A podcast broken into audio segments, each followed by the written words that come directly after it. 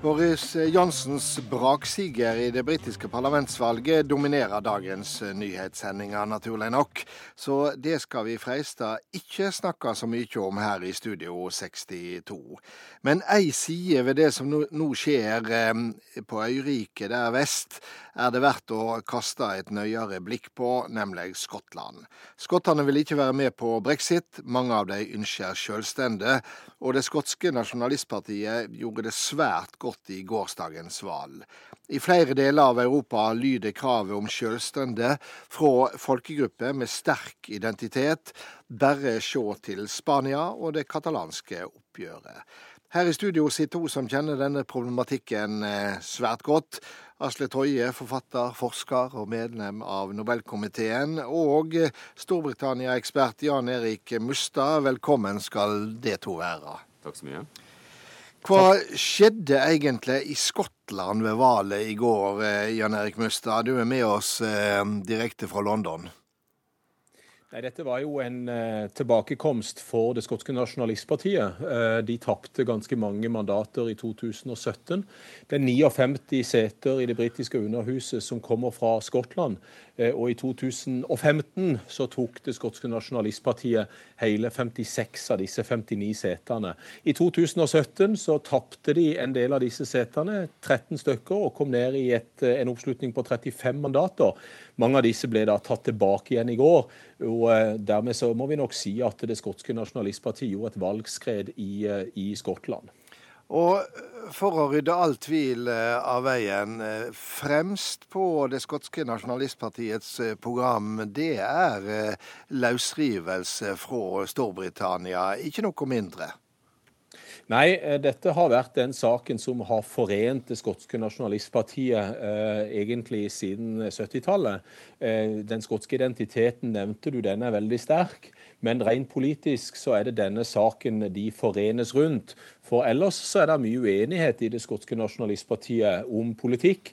Men akkurat uavhengighetsspørsmålet, så lenge partiet fokuserer på det, ja da står de godt samla i sin skotske identitet, i et ønske om å løsrive Skottland fra den britiske unionen. Asle Tøye, du kjenner Skottland svært eh, godt, og nå er det ingen tvil. Altså, det blir ingen ny folkeavstemning i Storbritannia. Vi kan legge alle spekulasjoner om det eh, til side. Brit Britene går ut av EU, men det vil altså ikke skottene. Problemet er at saken er nok ikke så enkel som det. Eh, når vi ser på, vi ser på eh, folkeavstemningen, så var det, eh, var det klar en stor overvekt for å forbli i EU. Ja, for det var ca. 62 var det ikke det?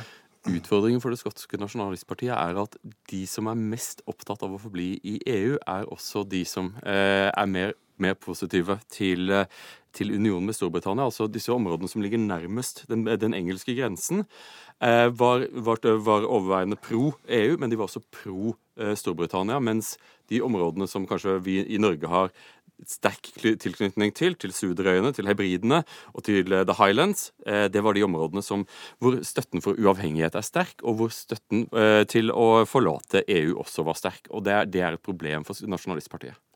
Litt eh, overfladisk så ser vel eh, vi her i Norge ofte på Skottland som en slags region i, i Storbritannia, eh, mens vi ikke er oss så bevisst at Skottland jo er en egen nasjon med egen parlament, egen juridiksjon, egen kirke, og ikke minst ei egen historie som selvstendig rike.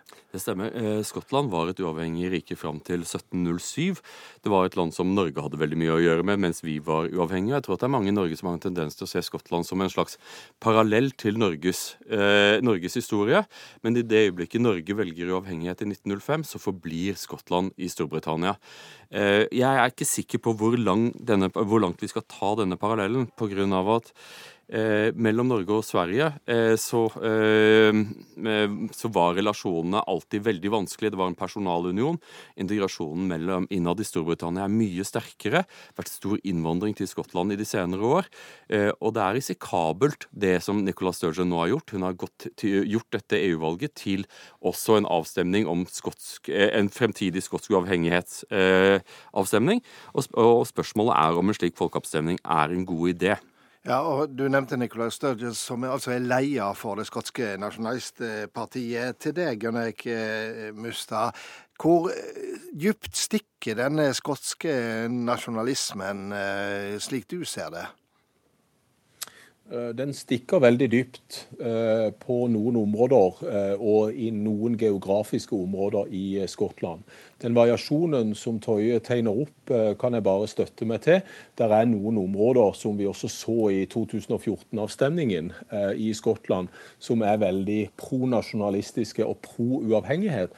Og så er det de mer eh, skal vi si, urbane områdene, spesielt rundt Edinburgh. fordi at Glasgow er der òg veldig mye sterke uavhengighetskretser.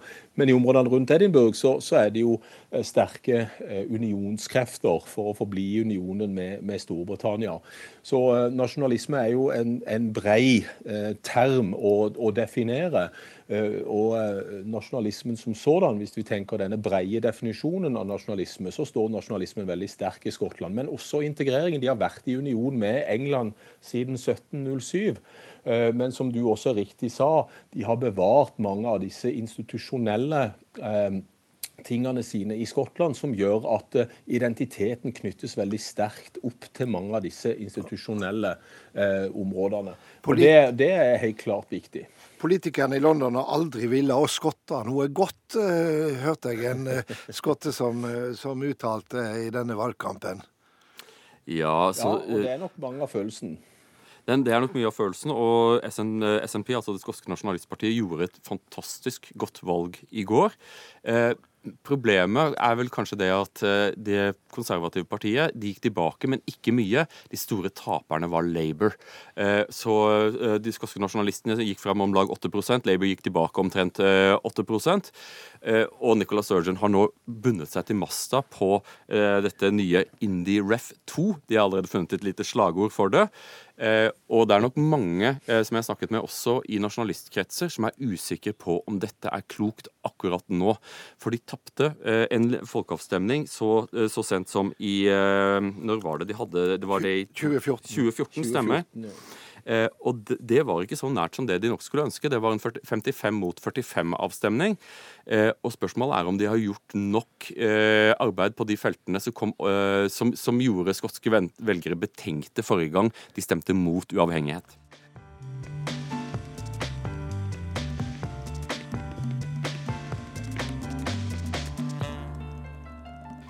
Ja, vi har snakka om det skotske sporet etter det britiske parlamentsvalget. Men det er jo ikke bare i Skottland vi ser ønske om eh, løsriving fra nasjonalstaten. Eh, det katalanske dramaet i Spania er jo svært tydelig. Asle Toje, du er med oss fremdeles. Ja, eh, Catalanias eh, forsøk på løsrivelse gjennom å organisere en folkeavstemning uten tillatelse fra sentralmakten har ikke ikke eh, lyktes godt, i alle fall så langt. Eh, det endte på mange måter med knall og fall, samtidig som at eh, det, det ønsket i sterke kretser i Catalonia om uavhengighet er fremdeles der, men det er ikke noen åpenbar vei til uavhengighet på en legitim måte. Eh, og de står nå i en veldig vanskelig situasjon, eh, der de eh, opplever at de konstitusjonelle veien til uavhengighet er på mange måter stengt. Det er liten forståelse i, i Madrid. Mange av lederne deres har blitt satt i fengsel. Og nå ser du at bevegelsen splintrer mellom de moderate kreftene, som ønsker å gjøre dette gjennom folkeavstemning steg for steg, i samarbeid med og med gehør fra resten av Europa, og de som ønsker en mer dramatisk vei. Men da har du hele tiden skrekkeksempelet av baskerne som tok opp våpen, eh, eh, gikk inn på en terrorkampanje som vel ikke kan sies å ha ført noe godt med seg for noen. Det er jo mange europeiske nasjonalstater som også er et lappeteppe av ulike folkegrupper, mange med nasjonale ambisjoner. Ser du sprengkraft andre plasser enn i Spania? Ja, så absolutt. Eh, det det, det, som uroer meg mest eh, akkurat nå, er en av disse nye statene som er kommet til, Kosovo, hvor Serbia presser på for å forsøke å få å, bytte territorium med Kosovo, slik at de kan få den serbiske minoriteten fra Mitrovica inn i sitt land, og bytte en kosovo-albansk eh, overveiende del av Serbia.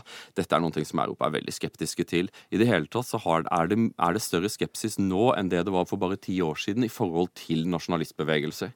Eh, det var lenge en sterk nasjonalistbevegelse i i Italia, i, manifestert i Lega Nord, som ønsket å løsrive Nord-Italia. Ja. Også denne bevegelsen har nå blitt svekket i senere år. Nå, som Lega har vunnet nasjonal makt, har de blitt mindre interessert i å løsrive, løsrive de nordlige delene. Ser du paralleller mellom dette, Jan Erik Mustad, og til det som skjer i og omkring Skottland? Ja, eh, noen paralleller er der, men eh, ikke like sterke paralleller som vi ser mellom andre europeiske land, kanskje.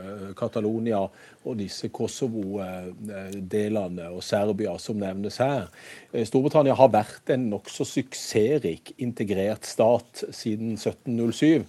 Eh, da de ble kalt Storbritannia etter unionen mellom Skottland og England. Eh, og selv om det har vært eh, skal vi si, nasjonale krefter i Skottland, litt i Wales knytta til kultur og språk Vi har selvfølgelig hatt konflikten i Nord-Irland mellom unionister, protestanter og nasjonalister og katolikker. Så har vi nok ikke opplevd kanskje like sterke motsetninger og antagonisme som vi ser i noen av disse landene som nevnes her.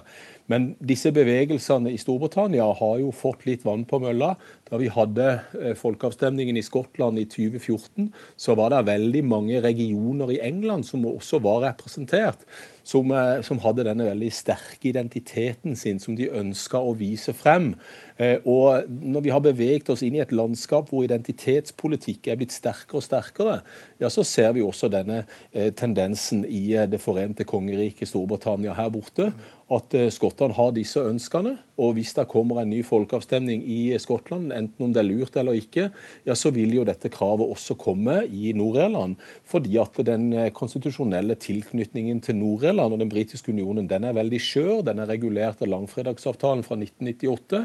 Og, og det betyr jo at eh, også der er det konstitusjonelle spørsmål om Nord-Irlands fremtidige konstitusjonelle tilhørighet. Ja, eh, alt dette stemmer. Men eh, når det, gjelder, når det gjelder skotsk eh, uavhengighet, så er det et moment jeg gjerne vil trekke frem. og det er at Når Skottland blir en del av Storbritannia i 1707, eh, så er vi på begynnelsen av Storbritannias storhet. Begynnelsen på imperiet. Og på mange måter så ble da Skottland solgt Storbritannia, konseptet Storbritannia på merverdien. At de slår seg sammen, så blir de sterkere sammen, og så går de ut og erobrer verden. Skottland er veldig toneangivende i imperiet. Veldig mange skotter som, som vinner seg berømthet, berømmelse og makt omkring på, i, i imperiet. Og de skotske regimentene er veldig knyttet opp i skotsk identitet. Det, det er denne, denne, dette krigeretoset i kilt og sekkepiper marsjerende på strendene mm. på D-dagen. Dette er veldig viktig for skottene. Og lenge så var det slik at man sa at, eh, at eh, Storbritannia hadde mistet imperiet. Et imperium hadde enda ikke funnet seg en rolle. Problemet for skottene, slik jeg ser det nå, er at når Storbritannia nå erklærer uavhengighet, slik toryene, slik konservative sier, eh, så er det noen ting som har en sterk resonans i Skottland. Og hvis de klarer å finne et, en, en, idé som skal gjøre Storbritannia stort igjen, der Storbritannia velger sin egen vei og går ut i verden igjen for å, å, å legge den for sine føtter, så vil sannsynligvis skottene være ivrige på å være med på nettopp dette. Eh, og dette er for, for skottene så er det faren jeg at det er en fare ved dette, det er en slags uskreven regel om at du bare kan ha to uavhengighetsavstemninger. Eh, og vi så dette i Quebec. I Quebec så hadde de først en i 1980 og en i 1990. Altså i Canada? Ja, nettopp. Løsrive seg fra Canada, prøvde seg i 1980, prøvde seg i 1995. Og når de da tapte i 95, så var det slutt. Og det er mange som sier at hvis Skottland taper en gang til, så er dette temaet begravd for en generasjon.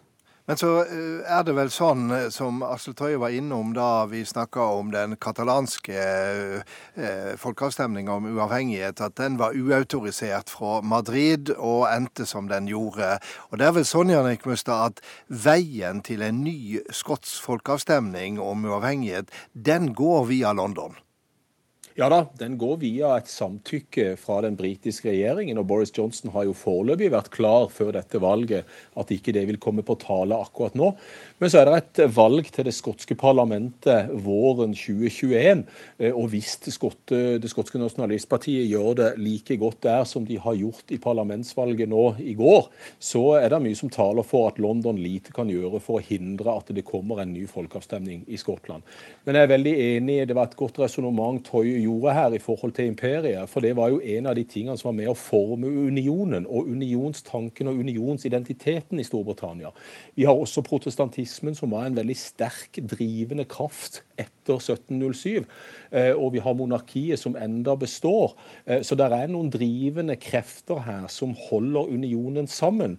Men akkurat dette imperiet var nok det som var den sterkeste drivkraften for skottene, som Toye sier, til å være med i unionen.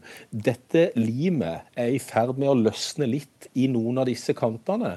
Og det er jo da, som, eh, som Toye sier, spørsmålet kommer opp om det er verdt å gå ut av unionen eller å forbli i unionen. Her er det i sanning mye å snakke om. Vi får rett og slett se hvordan dette går. Eh, tusen takk for at det kom, Asle Toje og Jan Erik Mustad.